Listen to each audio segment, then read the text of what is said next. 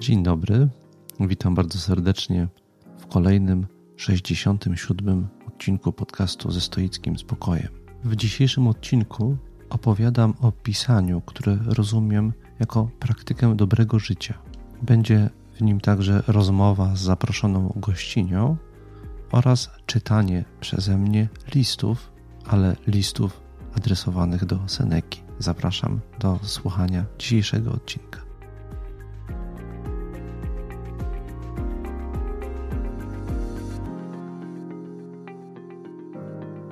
Bez wątpienia ludzie piszą z wielu różnych powodów.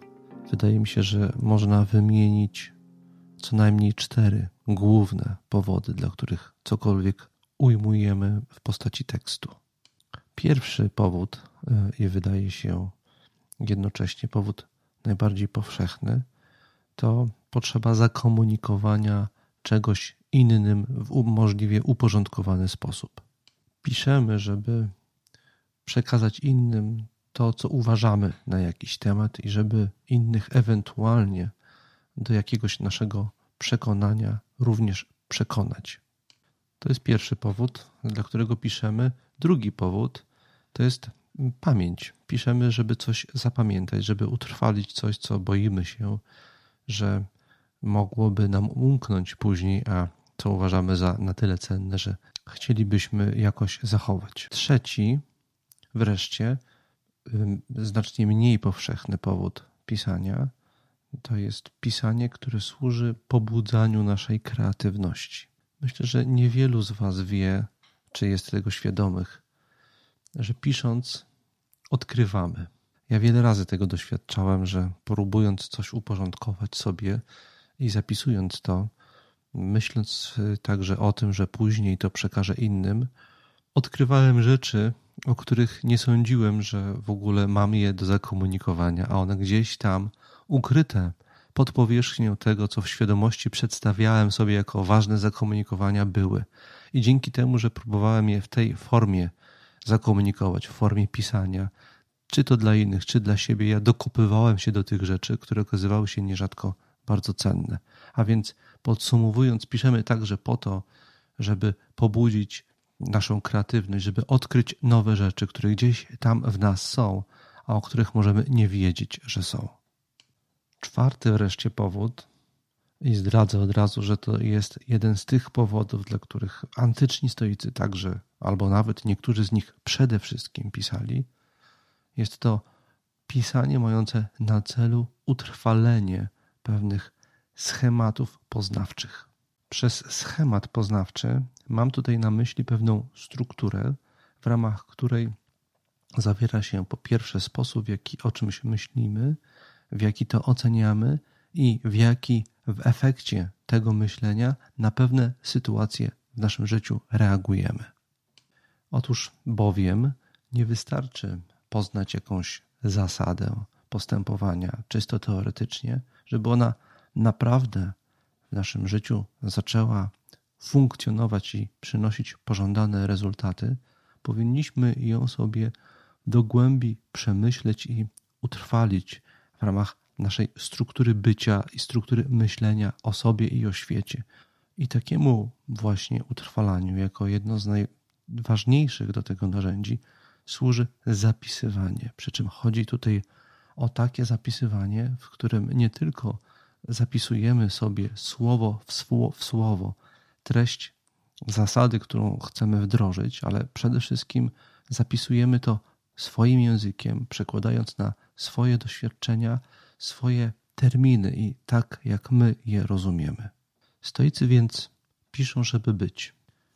Przypomina mi się w tym kontekście pewien eksperyment myślowy, który proponowałem studentom w czasach, kiedy byłem wykładowcą akademickim i omawiałem poglądy francuskiego filozofa Kartezjusza.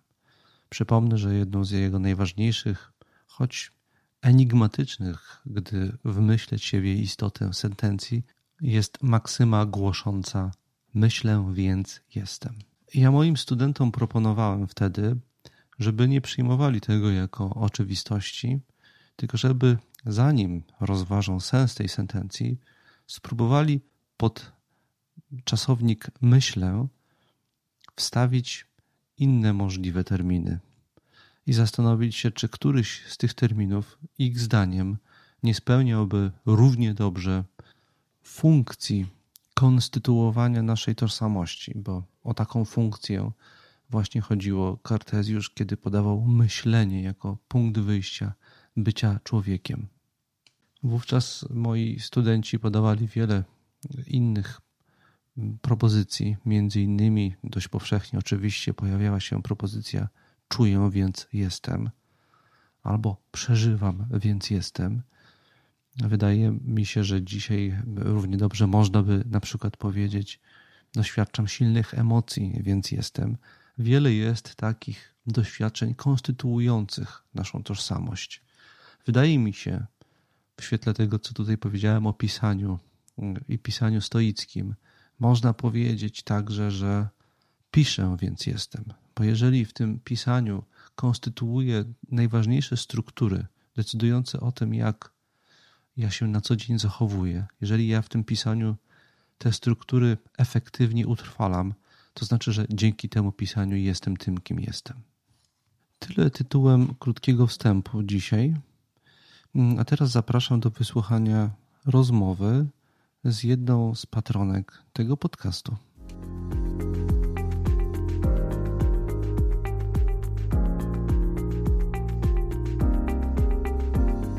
A ja już witam teraz w moim podcaście słuchaczkę Kamilę, która, mm, dowiedziałem się tego od niej, brała udział w kursie organizowaną przez grecką współczesną stoiczkę Katrin Koromilas, przepraszam za przejęzyczenie.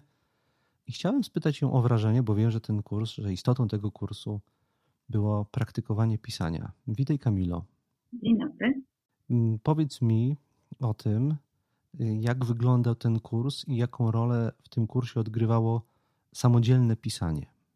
No, kurs to się nazywało 28 Days of Joyful Death Writing. Tak mhm. nazywało i codziennie jakbyś, dostałem... jakbyś to przetłumaczyła na język polski dla słuchaczy, którzy nie znają no angielskiego? No, chyba znają.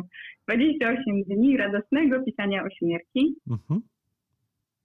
E, I codziennie rano dostawaliśmy mail i ten mail, właśnie to był taki rytuał, no, coś się powtarzało, bo mail e, za mailem przez miesiąc, ale też te maile same w sobie były bardzo rytualne, bo otwierał je obrazek, e, który przedstawiał cmentarz, pod drzewem siedziała śmierć, ale ta śmierć była taka bardziej jak taka niestraszna, mimo że z kosą, ponieważ na jednym z grobowców leżała sobie kobieta w różowej sukieneczce, czytająca książkę i uśmiechnięta, czyli mhm. ta, ta śmierć była niestraszna. No i pod spodem dostawaliśmy zawsze cytat albo z medytacji, czyli z rozmyślań Marka Aureliusza, albo z Epicteta.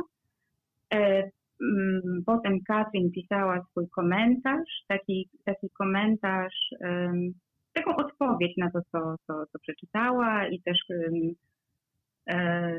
miała swoje różne skojarzenia z innymi filozofami, z Seneką, z Pierem Ado i tak dalej. I potem były zadania, ale te zadania były takie bardzo, jak to powiedzieć, takie bardzo sympatyczne, bo można sobie było wybrać e, w zależności od tego, ile ktoś ma czasu w ciągu dnia. I tam mhm. było napisane, jeżeli masz, tak, jeżeli masz 5-10 minut, to po prostu przeczytaj medytację, przeczytaj fragment Marka Aureliusza czy Epikteta głośno E, podkreśl sobie, czy zapamiętaj słowa klucze, powtarzaj w ciągu dnia. Jeżeli masz minut 10, przepisz kawałek, który Ci się podoba, albo przepisz całość, jeśli jest krótka. No i dopiero ta, ta, to, to trzecie zadanie było takie, takie, jeżeli masz godzinę, to usiądź i napisz odpowiedź, odpowiedź Markowi Aureliuszowi, czy odpowiedź e, Epiktetowi, czyli zrób właściwie to, co ja wyżej, ale po swojemu. Mhm. No i tam były jakieś mhm. proponowane mhm. zadania, a naj, naj, i zawsze ona nas wyprowadzała z tego rytuału. To znaczy, że tak jak nie, byliśmy witani tym obrazkiem, tak na końcu było, a teraz odetnij głęboko, zrób sobie herbatę, posłuchaj muzyki, coś tam, coś tam, idź na spacer. I codziennie tak, codziennie tak. A powiedz mi, Kamilo, w takim razie, czy ty pisałaś, czy realizowałaś tą część trzecią zadanie? Zawsze realizowałam e, pierwszą, e, nigdy nie realizowałam drugiej, bo przepisywać się nie mhm. chciało, a trzecią tak, e, kilka razy tak, pisałam. Mhm. To bardzo bym Cię prosił, jeżeli możesz, czy mogłabyś podzielić się z nami rezultatami tej praktyki? Jak Tobie się to ćwiczenie realizowało i co ono Tobie przyniosło? To jest tak jak zawsze z pisaniem. To znaczy, pisanie jest po to, żeby złapać cudzą myśl, mhm. żeby zrozumieć cudzą myśl, żeby ją tak przełożyć na własne myślenie, żeby rzeczywiście to, to rozumienie było głębokie i żeby e, ta już głęboka myśl cuda spotkała się z jakimiś tam głębinami z ciebie. No i to, co się, to się, to się rodzi, to jest jakaś, no, jakaś jakość. Nie? Jakaś e, mhm. jakość, z której, z której wynika właśnie to, to, to, to joyful. Nie? To, to słowo, mhm. jedno z słów kluczy, które właściwie, mimo że to było e, pisanie o śmierci, ono miało być radosne. I rzeczywiście ten efekt tego pisania o tej śmierci, o przemijaniu, to właściwie było pisanie o życiu, na, tak na dobrą sprawę. Nie? Chcesz dobrze umrzeć? No to, no to dobrze żyj. A co to znaczy dobrze żyj? No skup się na tym, co konieczne i skup się na tym, co radosne. Mhm. Wyrzuć wszystko, co, co, co no, takie bezmyślne, niekonieczne. No więc tak, no Czyli podsumowując, można chyba powiedzieć, no. że sukces tej praktyki polega na takim powiązaniu, połączeniu w tobie elementów mhm. różnych, ale które w efekcie dają utrwalenie jakiejś praktyki, a przede wszystkim jakiegoś nastawienia do tego, co nas w życiu spotyka. Czy mogło, moż, można byłoby tak to podsumować? No tak, że też cudza filozofia staje się twoją filozofią, albo okazuje się, że cudza filozofia od dawna jest twoją filozofią, więc to też jest radosne. Właśnie ten rytuał, bardzo mi się podoba to słowo, którego używałaś tutaj od mhm, początku tak. kilka razy. Sekretem mhm. sukcesu praktykowaniu, także w praktykowaniu pisania i w tym wdrażaniu się w nabywanie innego nastawienia jest powtarzalnie i pewna rytualność, bo do, do, do rytuału należy nie tylko to, że coś powtarzamy, ale pewna, pewien element uroczysty. W tym chyba jest, mhm. chyba jest zawarty i wydaje mi się, że tak jak mi to opisywałaś też przed tym, zanim włączyłem nagrywanie, to miałem wrażenie, że dla ciebie było to właśnie takie też trochę rytualno-religijne wręcz, że sobie zasiadałaś i to robiłaś po swojemu e, i, i to weszło jakoś w twoje życie dzięki temu. Rytualne tak, religijne nie. Okay. Ono było bardzo rytualno, tak. Wiesz to, bo to chyba też jest o tym, że ja nie lubię świąt, ja lubię codzienność. Więc to było rytualno codzienne. Uh-huh. Chyba y, chciałem użyć innego słowa i się nawet zawahałem. Chodziło mi o ceremonialne. O tak. Że to, to taki, że, że wokół tego zbudowa, zbudować mhm, pewną, pewną ceremonię. Dobrze, hmm. Kamilo, bardzo Ci dziękuję. Czy na koniec mogłabyś powiedzieć, czy coś Ci z tego zostało? Czy Ty dalej praktykujesz to pisanie jakoś w tym, w tym duchu, który zalecała Katrin? Ja w ogóle praktykuję pisanie, bo pewnie każdy ma w życiu rzeczy, które najbardziej lubi robić, to ja najbardziej lubię y, chodzić i pisać. Mhm. A to chodzenie y, służy temu, żeby żeby y, myśli się konkretyzowały i potem przychodzę do domu i po prostu piszę. I je zapisujesz. A jeżeli... Mhm. Tak. Okej. Okay. Kamilo, bardzo Ci dziękuję mm, i życzę dalszych sukcesów, zarówno w chodzeniu, jak i, jak i w pisaniu i żeby to się przekładało na efektywną praktykę stoicką. Dziękuję, że zgodziłaś się wystąpić w moim podcaście. Bardzo dziękuję.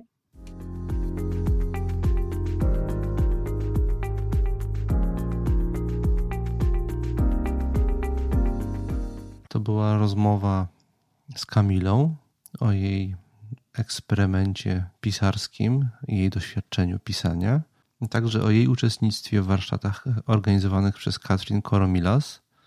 Ja wiem, że Katrin organizuje kolejną turę warsztatów już niedługo, bo w marcu. Więc jeżeli jesteście tym zainteresowani, to rekomenduję wzięcie udziału. Więcej szczegółów można znaleźć na stronie Katrin, jak po prostu wpiszecie katrinkoromilas.com. Tam wszystkie informacje znajdziecie. Na tej stronie y, jest sentencja Katrin, bardzo ładna, mm, składająca się z trzech krótkich zdań. Life is short, have an affair with your writing.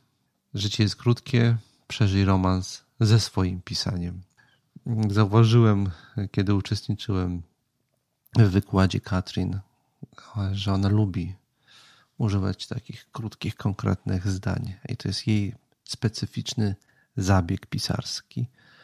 Zauważyłem też, że niektórzy stoicy przeplatają długie zdania, po których następuje krótkie zdanie, w którym puentuje się coś celnie i w sposób zapamiętający w pamięć, zapadający w pamięć. Na przykład to zdanie Seneki, jedno z moich ulubionych, co stoi ma upaść. Taką ma konstrukcję.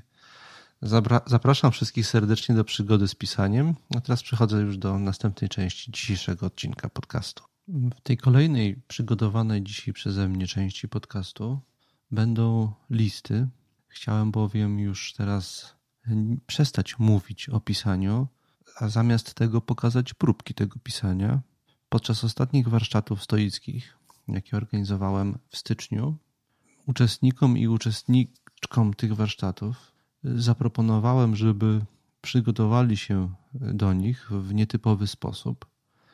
Jednym z zadań, jakie przed warsztatami należało zrealizować, było napisanie listu utrzymanego w duchu Seneki. Listu pisanego bądź do siebie samej, samego z przeszłości, bądź do jakiegoś realnego bądź wyimaginowanego przyjaciela. I chodziło o zachowanie właśnie senekiańskiej konwencji pisania. Na warsztatach y, te listy anonimowo wszyscy położyli podczas jednego z ćwiczeń na stole. Następnie, następnie one były losowane mm, i osoba, która wylosowała list, czytała ten list, a następnie komentowała swoje wrażenia, między innymi to, na przykład jak ona odebrałaby taki list, jaki wywarłby efekt na nią, gdyby znalazło się w opisywanym w tym liście położeniu, a także inne wrażenia, refleksje, jakie ten list wzbudzał w czytającej osobie bądź też pozostałych uczestnikach warsztatów. Zdecydowałem się po uzgodnieniu z tymi uczestnikami tych warsztatów, że te listy, część z nich przedstawię tutaj żeby pokazać, jak taka praktyka pisania dzisiaj może wyglądać. A dodatkową motywacją dla mnie było to, że te listy były bardzo dobre, aktualne, przejmujące, a także zróżnicowane. Tam pojawiają się naj, naj, najprzeróżniejsze wątki. Każdy jest inny, każdy dotyka czegoś innego, każdy jest napisany w innym stylu, a każdy jest jednocześnie utrzymany w duchu senekiańskim. Zapraszam do słuchania. Przechodzę do lektury pierwszego listu. Seneka pisze do swego Lucyliusza.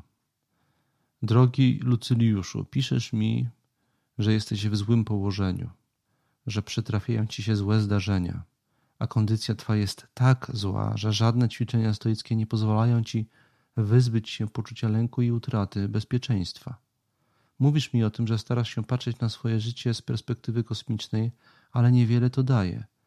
Nawet w porannym i wieczornym rachunku sumienia ciągle nękają cię myśli pełne obaw co do twojej codzienności.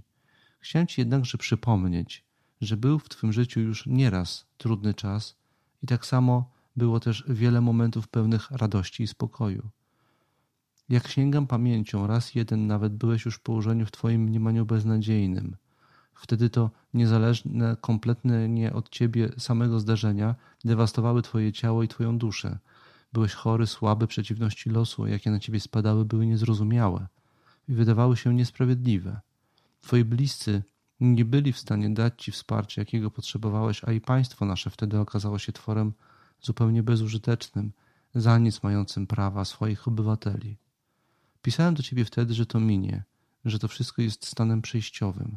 Zgadzałeś się ze mną, że żaden ból nie jest nieznośny, a mimo to był w tobie wtedy ogromny bunt, że nie możesz i nie umiesz nic z tym zrobić.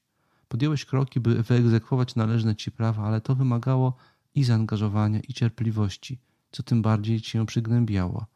Wtedy pomogła ci akceptacja tego stanu, zrozumienie, że to ty nadajesz rzeczom i zdarzeniom wartość, że to od ciebie zależy, czy coś uważasz za wartościowe, czy nie. Myśląc o tym, co się nam w życiu przytrafia, oceniamy to świadomie bądź nie – że to jest dobre bądź złe. Zrozumiałeś wtedy, że oceniając tą sytuację jako złą i buntując się przeciwko niej, jeszcze sam sobie nakładasz dodatkowy ciężar i szkodzisz sam sobie. zamiast pomagać i czule się sobą samym zaopiekować. Tamten trudny czas przyniósł wspaniałe owoce. Wyciągnij z tego wnioski i teraz, jak się pojawiają myśli przewidywania zdarzeń, kiedy masz zachwiane poczucie bezpieczeństwa, kiedy nie jesteś w stanie tej projekcji uniknąć, to pomyśl jak dawniej, że nadajesz sam wartość tym hipotetycznym zdarzeniom, a one mogą być dla ciebie tak samo dobre, jak i złe. Bądź pozdrowiony. Koniec pierwszego listu. Mm, nie będę go komentował. Komentarz pozostawiam słuchaczom i słuchaczkom.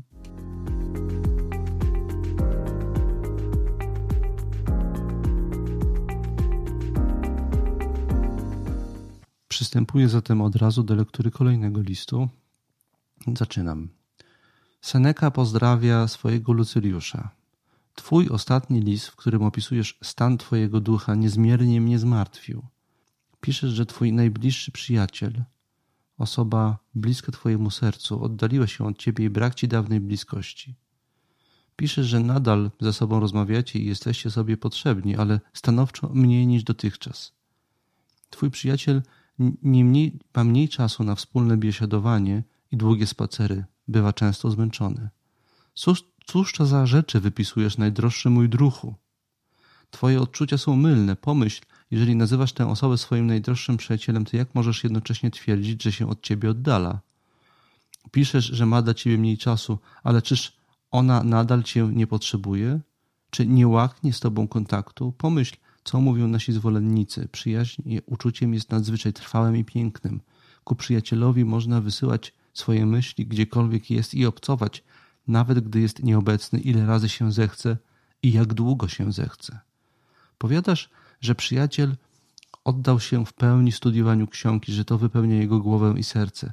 Cóż to za wspaniała nowina, zatem osobą jest światłą i mądrą. I to z tobą tę mądrość chce dzielić. Czyż to nie skarb posiadać takiego przyjaciela? Piszesz, że jest dzięki temu uspokojony i szczęśliwy. Jeżeli go szczerze kochasz, czyż nie powinno cię i to uszczęśliwiać? Czyż nie o to chodzi w prawdziwej przyjaźni? Wolałbyś widzieć go nieszczęśliwym? Wolałbyś, aby cię unikał? Twoja odpowiedź będzie przecząca. Jestem tego pewien. Chcesz wiedzieć, co powiedziałby Epikur? Rzekłby: Mój drogi Lucyliuszu, ciesz się, że tyle wspaniałych chwil przeżyliście razem. Wspominaj je z uśmiechem, a jednocześnie rozkoszu się przyjaźnią, gdyż ona stanowi element, bez którego żyć trudno. Chcesz wiedzieć, co powiedzieliby stoicy? Poradziliby, abyś nie umartwiał się i nie tworzył fałszywych wyobrażeń. Słowami Epikteta, jeżeli pragnąć będziesz rzeczy, które nie są od ciebie zależne z konieczności, będziesz czuł się nieszczęśliwy.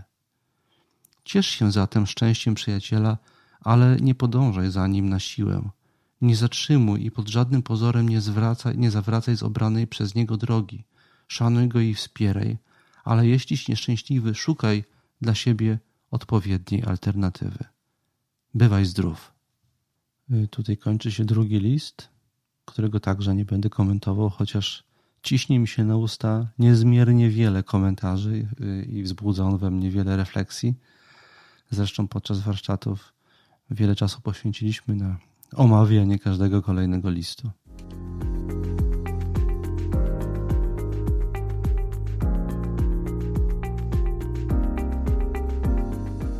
Przystępuję teraz zatem do lektury kolejnego listu, który jest nieco dłuższy od dwóch poprzednich. Czytam. Anno, przyjaciółko droga, przesyłam pozdrowienia i życzę, by niezależnie od wieści z kraju, Serce Twe pozostawało przychylne sobie i ludziom, bo ten tylko może liczyć na wspaniałomyślność świata, kto wprzódy sam stał się łaskawy dla siebie. Pytasz, jak możliwe jest, że pomimo dojrzałego wieku i umiłowania mądrości pozostaję wierna naukom przodków? Dlaczego przywołuję ich sylwetki w kłopocie, jakby byli duchami opiekuńczymi, patronusami, z których każdy chroni od innej życiowej niedoli? Ten od lęku, ten od gniewu, a ten od utraty poczucia humoru? Śmiejesz się serdecznie, że dziecięcym zwyczajem noszę w kieszeniach stare prawdy, niczym talizmany przeciwko bolączkom duszy, wierząc, że osłonią mnie przed kulawością umysłu, bólem utraty czy gorączką bezsilności. Na Herkulesa, Anno droga. Może to być miłością, nie przeczę. Może ja jestem jak winorośl, która nie daje się już szczepić nową ideą i ze starości lub mizerności umysłu nie przyswajam sobie prawd, które innym się narzucają? Co mogę rzec? Nie bronię się. Mam jedynie przekonanie, że miłość moja nie jest zachwytem kochanka nad młodym oblubieńcem. Wierzę, że bardziej przypomina raczej przyjaźń Sokratesa i Alkibiadesa, w której nie o euforię chodziło, a o naukę cnoty refleksyjności. Czuję się częścią rodziny, której członkowie, pomimo swych wad od tysięcy lat nie ustają w poszukiwaniu lepszej kondycji człowieczeństwa. Ich wzorem uprawiam filozofię w celu pomnożenia sobie odwagi i wielkoduszności. Pragnę stać się trudna do pokonania i wyższa nad wszelkie napaści. Nie pozostaje jednak głucha na to, co o nas mówią. Jednemu wytykają, że uwiedziony bogactwem i władzą pomylił opowieść o tym, jak zawsze było, z tym, jak być powinno. O drugim powiadają, że niewolnicza i brutalna przeszłość uczyniła z niego zawistnika, kostycznego kaznodzieję, który na modłę cenicką upatruje zbawienia w ascezie. Trzeci, jak twierdzą, umarł pogrążony w depresji i tęsknocie za życiem, którego sobie odmawiał, stawiając pracę i obowiązek przed snem i pożywieniem. Czy to jednak nie są krętactwa? Czy nie oszukują się ci, którzy wybierają w zawodach większą tarczę, aby ich strzały łatwiej dosięgły celu? Czy zachowują się roztropnie ci, którzy śmiejąc się do rozpuku z czyjejś niewprawionej mowy pozostają głusi na treść wypowiedzi? Przecież pomimo tego, że czasem starożytni stoicy wywołują wrażenie, jakoby umysły swoje zajmowali całkiem błochymi sprawami, a wolny czas tracili na puste rozważania. Ich celem było stworzenie kompletnej sztuki dobrego życia. Nie bez celu opierali filozofię o trzy filary fizykę, etykę i logikę. Porównywali ją do jajka lub do żywej istoty, podkreślając, że wszystkie elementy są sobie niezbędne. Twierdzili, że zasady dobrego życia można ustalać dopiero, kiedy się posiędzie wiedzę o świecie i kondycji człowieka, że nie rozpozna się prawdy, nie znając zasad krytycznego myślenia. Dlaczego więc tak łatwo przychodzi naszym przeciwnikom śmiech z poglądów ludzi żyjących w dalekiej przeszłości? Zgodzisz się, droga Anno, że nie jest zacnym zwyczajem wytykanie drugiemu błędów poznawczych, kiedy nasza własna głowa ugina się pod ciężarem kołtunów. Łatwo uczynić pośmiewistko z czyjejś wypowiedzi, kiedy się ją ze złą intencją wyciągnie z kontekstu. Nie uważam za wyborne tego, co zwykł mawiać nasz Demetriusz, o tym, że gadaninę głupców ceni sobie tyle, ile odgłos dobywających się z ich brzucha wiatrów. Myślę jednak, że warto poznać lepiej drugiego człowieka, zanim zaczniemy szerzyć o nim niekorzystne pogłoski. Zapraszam więc naszych przeciwników do wizyty w stoickich umysłowych gimnazjonach. Jeżeli trudy deliberacji są im niemiłe, niech zasiądą chociażby na trybunach. Zapewniam ich z serca, że cokolwiek się wydarza w naszym domu nie wygląda tak okropnie, jak przedstawiane jest w pogłoskach. Zachęcam do serdecznej wymiany. To właśnie starożytni stoicy ujrzeli świat jako jedność, jako sieć współzależności, wielki pulsujący układ nerwowy. To od nich otrzymaliśmy w prezencie słowo sympatia. Może wspólne trenowanie wzmocni w nas refleksyjność. Przez rozwijanie dzielności pozwoli na budowanie różnorodnego świata bez lęku przed innością. Może rozważanie, czym jest sprawiedliwość, pozwoli nam zrezygnować z przywilejów, z których korzystamy ze szkodą dla świata, a większa wstrzemięźliwość pozwoli nam zatrzymać się w pragnieniu. Żegnając się, moja droga, zapewnię Cię jeszcze o moim zdrowiu. Nie martw się, kochana, o mój dobrostan. Ripostę dla tych, którzy skąpią mi swej wiary i serdeczności, wybornie ujął jeden z mych braci. Cytuję. Ty się zajmij swoimi sprawami i już nigdy ich nie odstępuj. Usiądź w kącie, układaj sylogizmy i przedstawiaj je innym. Nie ma w tobie człowieka, który mógłby rządzić miastem. Koniec cytatu. Cytuję go z miłością, chociaż wiemy o nim obie, że raczej pozwoliłby się skrócić o głowę niż uchetać sobie brodę. Bądź zdrowa. Tutaj kończy się ten list, niezwykle wyszukany, jeżeli chodzi o formę. Wydaje mi się, że gdybym jego lektury nie poprzedził informacją y, co do jego autorstwa, to niektórzy z Was mogliby mieć kłopoty z ustaleniem, czy to jest Seneca, czy nie jest Seneca. To samo dotyczy pozostałych listów, jak sądzę.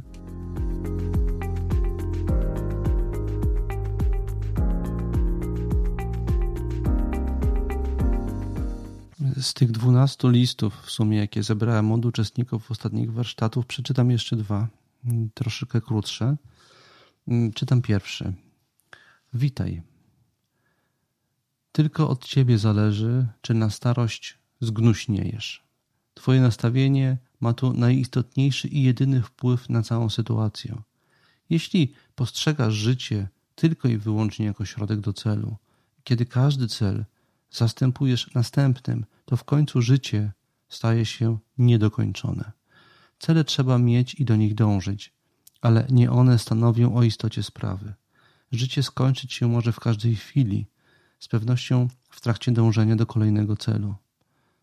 Dlatego sama droga jest celem, jest istotą życia.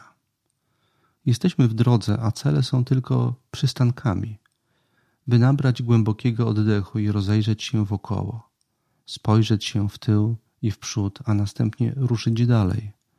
A więc powiadam Ci jeszcze raz, istotą szczęśliwego życia jest czerpać przyjemność z przebywania w drodze, jak Beduin, przemierzający pustynię, czy kochający i nienasycony morzem żeglarz. Myśl o tym każdego dnia. Czy jesteś świadomy tej drogi? Czy podziwiasz, aby otaczający cię świat? Czy widzisz i odczuwasz jego piękno? Czy z ciekawością podchodzisz do przemijającej chwili? Na koniec, czy jest w tobie ten zachwyt, który czyni życie niesamowitym i pięknym? Doświadczając życia w sobie, odczuwaj i nieś je dalej do samego końca drogi. Z Bogiem. Tutaj y, jest koniec tego listu. Tak jak poprzednich, tego również nie będę komentował. Dodam tylko, że później podczas całych warsztatów towarzyszyła nam przywodzona w różnych kontekstach metafora nienasyconego morzem żeglarza. Bardzo piękna metafora się pojawiła w tym liście. I kolejny list. Czytam. Seneca pozdrawia swojego Lucyliusza. Pochwalam i cieszę się z tego, że postanowiłeś podjąć staranie o to, aby nie trwonić ponad potrzebę danego ci czasu. A postanowiłeś tak, jak słyszę, gdy rozważyłeś i wziąłeś sobie do serca tę oto prawdę, że jedynie co od nas jest zależne, to chwila obecna, tu i teraz. Tu i teraz żyjemy i temu powinniśmy poświęcać nasze myśli i działania jak tylko możemy i potrafimy najpełniej.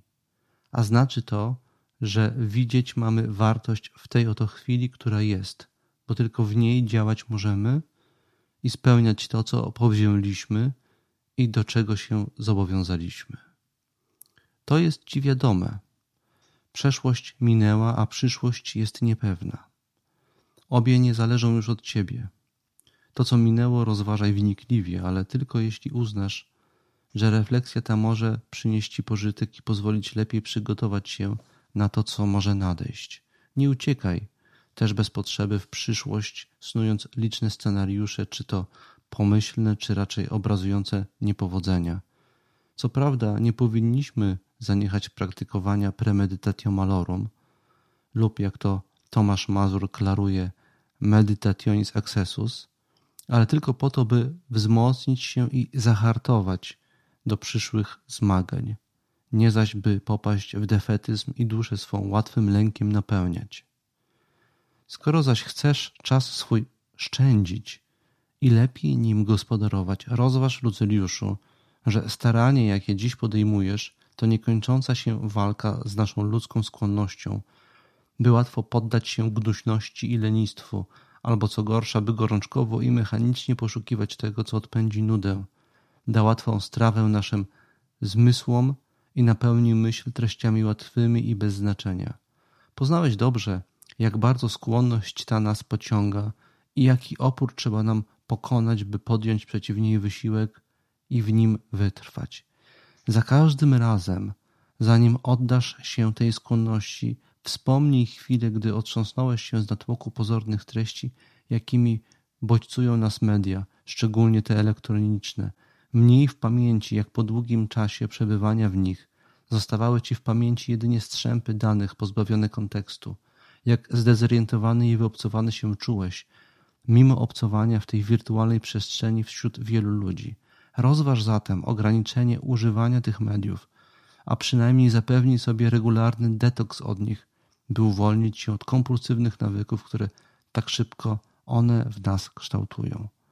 Podobnie stara się powstrzymywać od zachłannego binge watching, który, jak wiesz, niszczy i trawi Twoją miłość do sztuki filmowej. Dawkuj więc sobie i smakuj świadomie każdy film i odcinek serialu, byś dobrze pojął nie tylko jego znaczenia i konstrukcję scenariusza, ale też właściwie uchwycił jakość zdjęć i montażu, kompozycję muzyki czy niuanse gry aktorów. Starannie dobieraj dzieła do obejrzenia, mając w świadomości, że z pewnością nie zdołasz poznać wszystkich tych, które są tego warte. Po cóż więc marno, marnotrawić czas na te pośredniej jakości? Gdy jednak, jak każdy z ludzi, niepowodzeń będziesz doznawać w swych staraniach, pamiętaj, by nie dręczyć się tym nadmiernie, bo nie sposób żyć tak, by żadnej chwili nie uronić czy nie zmarnować.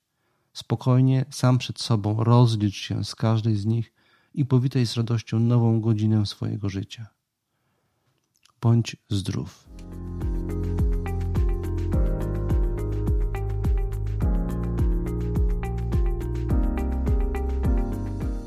Teraz przechodzę już do ogłoszeń i podziękowań. Jeżeli jesteśmy przy punkcie ogłoszenia, to najważniejsze ogłoszenie jest takie, że po pierwsze jest nowa strona podcastu. No, ona nosi tytuł po prostu ze stoickim spokojem.pl. Na tej stronie oprócz kolejnych odcinków pojawiać się będą także teksty, różne teksty dotyczące stoicyzmu, także blog. Jest już pierwszy wpis na blogu, bardzo serdecznie zapraszam do czytania. Jeżeli chodzi o kurs Stoic Way, który był dostępny za pośrednictwem strony Stoic Way, on w tej chwili jest dostępny na platformie Teachable. Po prostu trzeba wpisać stoicway.teachable.com i tam można y, na ten kurs się zapisać. I to tyle, jeżeli chodzi o bieżące informacje. Teraz chciałem przejść do podziękowań. Można powiedzieć, że cały dzisiejszy odcinek jest pewną formą podziękowań ze względu na y, formalny udział w tym odcinku stałych słuchaczy tego podcastu. Mm, więc w ten sposób chciałem Wam podziękować, pokaza, pokazując, co robicie i jak robicie. Jestem z tego dumny i bardzo Wam za to dziękuję. W szczególności dodatkowe podziękowania chciałem zaadresować do grupy osób wspierających produkcję tego podcastu i także różne inne moje działania stoickie za, za pośrednictwem platformy Patronite. Gorąco zachęcam do, do wspierania, do wykorzystywania tej formy e, celem wsparcia naszych działań e, i chciałbym wymienić grupę najbardziej hojnych patronów. E, co niniejszym czynię? Są to następujące osoby: Zbigniew Celej, Ludwik Sienica, Bartosz Szarowar, Łukasz Mandzyn, Anna Mizrahi, Sławomir Franus, Bartek Mazur, Jakub Ciesielczuk, Jacek Mędyk, Krzysztof Pudełko, Justyna Metryka, Rafał Myrcik, Maciej Kunert, Małgorzata Małodzińska, Leszek Para, Kamila Reiter. Y, są to osoby, których nazwiska wymieniając już, nie wymieniam osób mi całkowicie anonimowych, bo po pierwsze spotykałem się z nimi podczas różnych warsztatów online, na których zapraszam patronów, a po drugie znaczna część z tego grona, przed chwilą przeze mnie wymienionego, brała udział również w warsztatach stacjonarnych. Za twórczy charakter tego udziału. Mm, bardzo serdecznie im niniejszym jeszcze raz dziękuję. I zapraszam do kolejnych odcinków podcastów, w których także będą rozmowy. Mm, na temat edukacji, na temat krytycznego myślenia, na temat Henryka Elzenberga, więc y, mam nadzieję, że cierpliwie czekacie. Do usłyszenia.